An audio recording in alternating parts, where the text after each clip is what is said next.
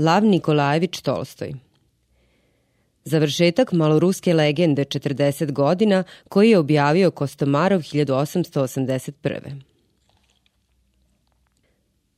Te iste prve noći između 12. i 13. avgusta kad je on, ubica, posle razgovora sa sinom legao da spava u svojoj sobi, počelo je njegovo ispaštanje. Nema Boga, nema duše, nema kazne. Kako mi je dobro, kako sam spokojan, a koliko sam mnogo i dugo uzalud sebe mučio. Svi se borimo jedan s drugim, svi upropašćujemo jedan drugog, kao što reče Aleksandar. Borba za opstanak, to je zakon. I drugoga nema. A meni je Bog dao da budem pobedilac. Bog dao, nikako da raskrstim s tom glupom navikom. Nije mi dao nikakav Bog, nego sam ja uzmogao da budem pobedilac. Znači, dobro je. Neka se svako bori, pa ko nadvlada, neka se koristi svojom pobedom. Ja sam pobedio i koristim se. Dobro sam živeo, samo me je uspomena trovala, sada će biti još bolje, još lepše. Razumljivo je što mi zavide. On se seti pustinjakovih reči. Oni zavide, svako želi. A kad želiš, onda se bori. Bori se sam, a ne čekaj da ti poklone. Eto i Aleksandar... On se priseti kako mu je Aleksandar Onomad rekao da mu je malo 20.000 godišnje, koliko mu je određeno. Molio me je da mu dam još 10.000, a kada sam ga odbio, bio je nezadovoljan. On svakako računa da će dobiti sve kad ja umrem. I odjednom Trofimu Semjonoviću bi jasno da sin mora želeti njegovu smrt. Bori se da budeš pobedilac. Ja sam se borio, ubio trgovca. Njegova smrt mi je bila potrebna i ja sam mu uzeo život. I njemu, mome sinu Aleksandru, čija je smrt potrebna. On zastade i pridiže se sav užasnut u postelji. Čija smrt? Moja? Da, ja mu stojim na putu. Ma koliko da mu dajem za njega, ipak bolje da ja umrem i da on bude gazda i Trofim Semjonović se poče prisećati sinovih reči i pogleda i u svemu vide da sin želi njegovu smrt. I ne može da ne želi.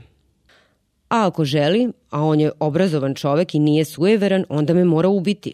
Recimo da on neće da upropasti sebe, ali postoji otrov. I odjednom se seti sinovog razgovora o nekakvim starinskim otrovima koji tako ubijaju da se tragovi ne mogu pronaći. A ako on bude imao taj otrov, kako da mi ga ne da? Mora mi ga dati. Već mi je govorio da ja zapuštam posao, govorio je da se može više uraditi. Da, čaša čaja i gotovo. Potkupit će sluge, kuvara, svi su oni podmitljivi.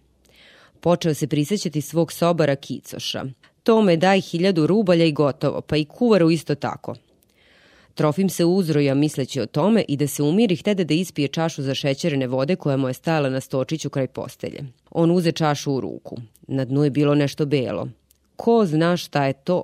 Ne, neće me prevariti. Reče i prosu vodu i priđe u mojvoniku i napise vode odande. Da, borba svih protiv svih. Boriti se, a ne zevati. Biću obazriviji. Ješću i piću ono što jede žena. Pa, i ona zna da će joj pripasti sedmi deo, a njeni siromašni rođaci odavno zahtevaju od nje. Da, kad je rat, nek bude rat. Treba tako da se osiguram da nemaju koristi od moje smrti. Treba napisati takav testament koji bi ih lišio svega, tako da i moja smrt ne bude od koristi. Da, još koliko sutra ću to učiniti i saopštiti im. Hteo je da zaspi, ali misli mu nisu dale da spava. Poče sastavljati testament. Navuče sobnu haljinu i papuče, priđe stolu i poče sastavljati koncept testamenta po kome je cijelo imanje ostavljao bolnicama i sirotištima. Kad to svrši, htede da legne, ali mu onda padoše na pamet lakije i čuvar kuće. Prenosio se u lakejevu dušu i govorio sebi – Šta bi bilo kada bih ja bio siromašan lake iz 15 rubalja mesečne plate, a da pet soba dalje od mene spava bogataš s novcima, a ja bio čvrsto ubeđen kao što sam sad ubeđen da nema Boga, da nema ni suda. Šta bih ja uradio? Uradio bih ono isto što sam uradio sa trgovcem. I Trofima Semjonovića spopade strah. On opet ustade i poče zatvarati vrata, ali se reza nije držala i on zagradi vrata naslonjačom, priveza je ubrusom za kvaku i na naslonjaču metnu još jednu da zatutnji. Tek tada ugasi sveću i tako se uspavao da se žena uznemirila i pošla da otvori vrata. Naslonjače padoše, zatutnjaše. Trofim skoči, uplašen, bled. Ko je, šta je? U pomoć čak viknu i dugo nije mogao da dođe k sebi. Prilikom buđenja učinilo mu se da su došli da ga ubiju. Kad je došao k sebi, reče da se iz obazrivosti zagradio i potrudi se da prikrije svoj strah. A makoliko se trudio da to sakrije, od tog dana i ukućani i sluge zapaziše na njemu veliku promenu. Ranije je bivao veseo, bivao je i ljut, bivao nežan, dobar, a i snužden kad je mislio o svom grehu. Ranije nije mario neke ljude, drugi je voleo, naročito je voleo unučiće. a sad je uvek bio isti. Uvek je bio ćutljiv, obazriv, sve je gledao podozrivo i sa svima je, čak i sa decom, bio podjednako hladan. Testament je od tog doba postao njegovo glavno zanimanje. Dugo nije mogao da sačini onakav kakav je želao da napravi. Nijedan od pravnika koji mu je zbog toga dolazio nije mogao da mu ugodi. On je pisao, prepisivao i menjao. I u hrani je postao naročit probirač. Ponekad je svoja najukusnije i najomiljenija jela ostavljao ne dirnuvši ih. Često je odbijao da ruča i dolazio u sred ručka i uzimao od sina, kćeri ili žene, već načet tanjir i tek tada jeo. Vino je kupovao zasebno i držao ga u svojoj sobi u ormaru. Poslovima se bavio sve manje, a i kada se bavio uvek je skrivao od ukuća na svoju zaradu i koliko dobija. Novac koji mu je nekada pričinjavao toliko radosti, sada ga je mučio. Trudio se da ga sačuva od drugih i osjećao je da ga ne može sačuvati od takvih ljudi bez Boga kakav je i sam bio. Osjećao je ako svi doznaju to što on zna i što zna njegov sin, da Boga i suda nema, tada ga nikakve sile neće sačuvati.